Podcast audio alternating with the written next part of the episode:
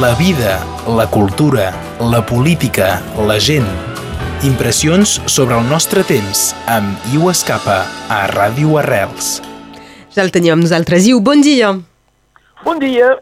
El 2 de febrer passat, eh, el Jaume I hauria fet 815 anys, va néixer el 2 de febrer 1208. Sí, molt bé, exactament. I era l'ocasió de, de parlar d'aquest rei importantíssim, no?, que eh, sé pas si hi, ha, si hi ha carrers dins de pobles o a Perpinyà que, que parlen d'ell, no?, en homenatge a ell, per, però és una pena. Eh, N'hi ha, ha més a Montpellier eh, que, que aquí i eh, tindríem de fer eh, per manera que, que sigués conegut aquest, aquest home, no? Va néixer el 2 de febrer 1208 a Montpellier. Per què a Montpellier? Perquè la seva mare era Maria de Montpellier, era, era de Montpellier, i al final se va morir el 27 de juliol de 1276 al Cira, a costat de València. I per què aquí? Perquè s'acabava, acabava, havia ja un temps que havia fet la conquista del regne de València contra els musulmans. No? Eh? Aquí una, una avançada molt important eh? entre de, de, de la reconquista. Era el fill d'un pere catòlic eh, donc, i de Marie de Montpellier, com us hem dit. Eh? Marie de Montpellier, gran família, gran família d'Occitània, que tenia, que tenia també lligams eh, amb els imperadors de Bizància. No? Eh? Bueno, era pas n'importa qui. Eh? Eh, eren temps de creuada, quan va néixer eren temps de creuada, la creuada contra els catars. I això va jugar un paper importantíssim de la seva vida i de la història de Catalunya. No? El seu pare eh, va perdre la vida durant aquesta creuada contra els catars a la batalla de, Muret, de Muret en eh, 1213. Era, era molt jove en aquell moment, eh? ben, ben entès. I per què era en aquesta batalla? Perquè havia vingut a ajudar al comte de Toulouse contra els barons, eh, contra Simon de Montfort i els barons francesos del nord, perquè eh, tant el comte de Toulouse com eh, el pere eh, comte de Barcelona i rei d'Aragó ja s'havien comprès que eh, aquesta creuada dels catars era, era finalment la mà posada, la conquista colonial d'Occitània i que era la filla d'una mena de somni d'un estat federal, eh, tant occitano-català, a cavalls de cada banda de, dels Pirineus. I és així que va passar. La conquesta, la, la claredat de, de, de, dels catars és la fi d'aquest somni eh, occitano-català eh, d'un país amb una cultura molt diferent de la, de la cultura de, del nord. El seu pare doncs mort a la, a la batalla de Muret i el Simon de Montfort va, va prendre en hostatge eh, el, eh, en Jaume, Jaume que era, que era molt petit, eh, encara que hi havia hagut un projecte de fer un casament amb el Jaume, que, era, que tenia 4 o 5 anys aquí, eh? eh el tenim de casar amb, amb una filla del Simó de Montfort. Això passarà pas, gràcies a Déu, jo ho no sé, eh? Eh, però aquesta eh, és en hostatge al castell de Carcassona. I normalment jo crec que hi havia una, una intenció del fer desaparèixer. I és el papa, eh, Innocent III, que va jugar un, un paper també eh, eh, molt, molt favorable als Barons del Nord, eh, però en aquest moment crec que eh, comença a prendre por de, de, de la força que pot tenir el Simó de Montfort i està encara contra ell. I doncs salvarà la vida eh, de, de Jaume, que, que així acabarà pas eh, matat dins el castell de Carcassona com eh, li havia fet el destí al Simó de Montfort, bé, segurament. Eh? Uh -huh. Això va que eh, doncs hi ha un, um, una regència amb un oncle, amb un oncle d'ell i al cap de, de poc temps, el Cors, el Cors de Lleida, en, el 1214, eh, s'acaba reconeixent com el, com el rei, com el successor de, de, del seu pare mort a la, a la batalla de Muret. Voilà. I eh, doncs se casarà en primera vegada amb una filla del rei de Castilla.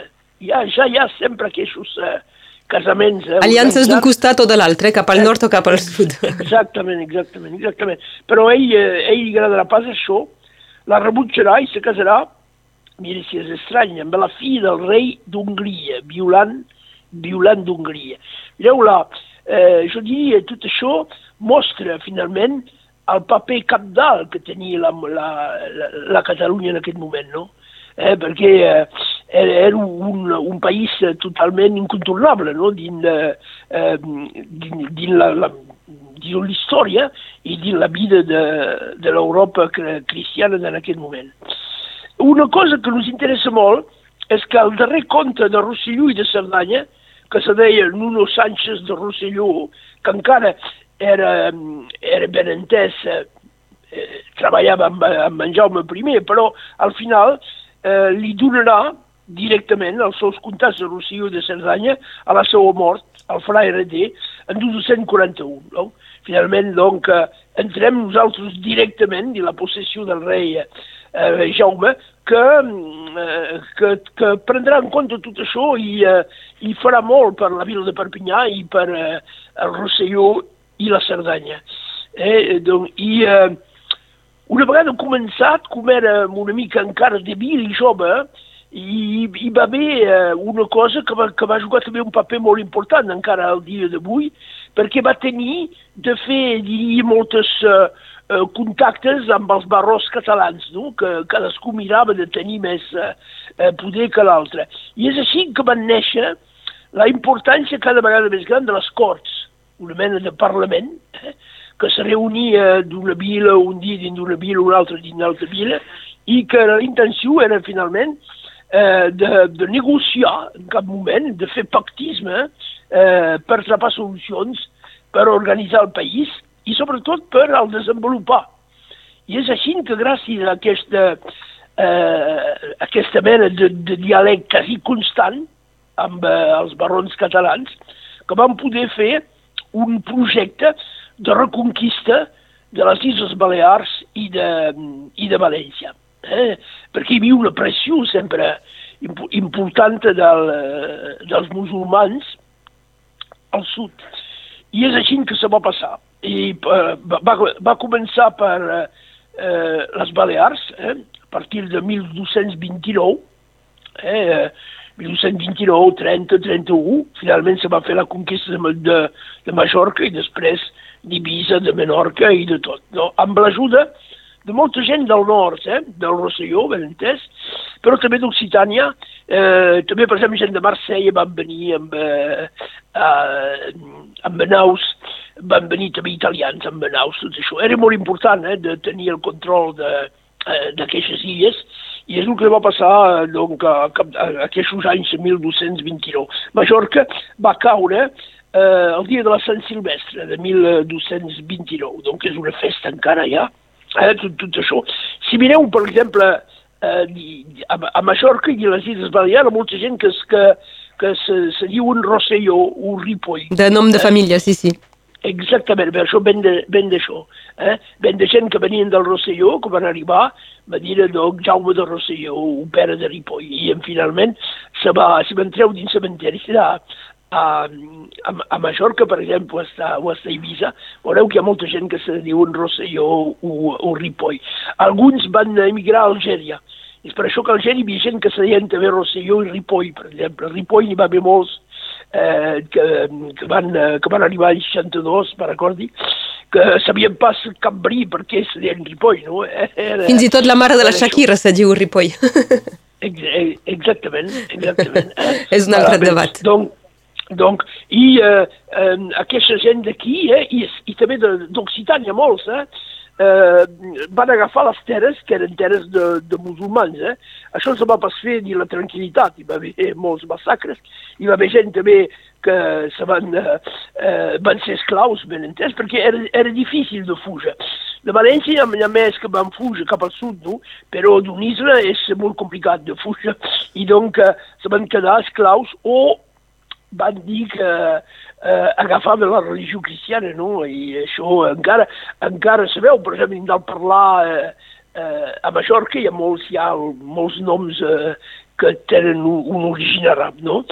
I eh, més tard, un, un, una mica més tard, van fer, eh, als anys 30, de, de 30 a 35 o 36, van fer la conquista del regne de València, que era molt, molt més important, i eh, donc eh, va entrar donc eh, Jaume I a València és, és el, el 9 eh, d'octubre, la -huh. festa de, de València, donc eh, també hi ha una, una mena de, de recordatori al costat de la catedral de València, que en aquell moment era una mesquita, no?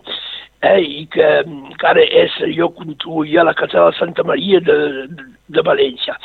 Un, eh, el que va passar també molt important per nosaltres es va fer el tractat de Corbell. Parlava d'igual a igual, per exemple, amb el Lluís IX, Saint-Louis, eh? Saint-Louis per, eh, per francesos, no? Eh, I donc eh, van arreglar aquest problema de la, de la frontera, que existia pas quasi en aquell moment, eh? una mena de, de separació, mais, eh, finalment més administratiu que, que altra cosa, i van, van posar la frontera, eh, donc, eh, l'estat de la frontera, per exemple, eh, tot això ven d'aquí. Tractat de Corbeil, en 1258, où en Jaume I eh, renuncia a les seves eh, possessions que podia tenir eh, eh, donc, en Occitània, per exemple, i, eh, i el, el Lluís IX, Sant Lluís, renuncia a les seves pretensions sobre les terres catalanes. Pretensions que venien de la conquesta de, de Charlemagne, de Carles Many, eh? Mm -hmm. ben entès.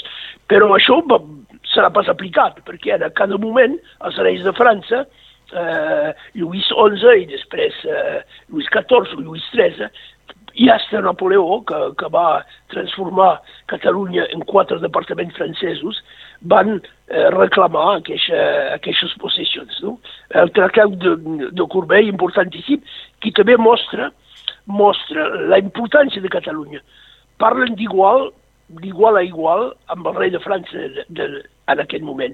I contràriament a, a Sant Lluís, que se va morir de pesta, de malaltia, eh, intentant una, una creuada a Tunis, eh, finalment eh, l'èxit d'en de, Jaume I i la reconquista és molt més important que, que el que reixirà de fer Sant Lluís, encara que dins la història Sant Lluís apareix sempre molt més lleuat, si voleu, que, que en Jaume I. És també una visió eh, etnocèntrica de la història, eh, sempre, sempre els països que, Eh, les nacions que tenen pas països, eh, la història sempre els, eh, és manipulada encara més, encara més que els altres. I no? tant. Avui, eh, avui és... recordàvem el 2 de febrer el naixement de, de Jaume el Conqueridor. Gràcies, Iu. De res, allez, fins ara. Que vagi bé, adéu, bon dia. La vida, la cultura, la política, la gent Impressions sobre el nostre temps amb Iu Escapa a Ràdio Arrels.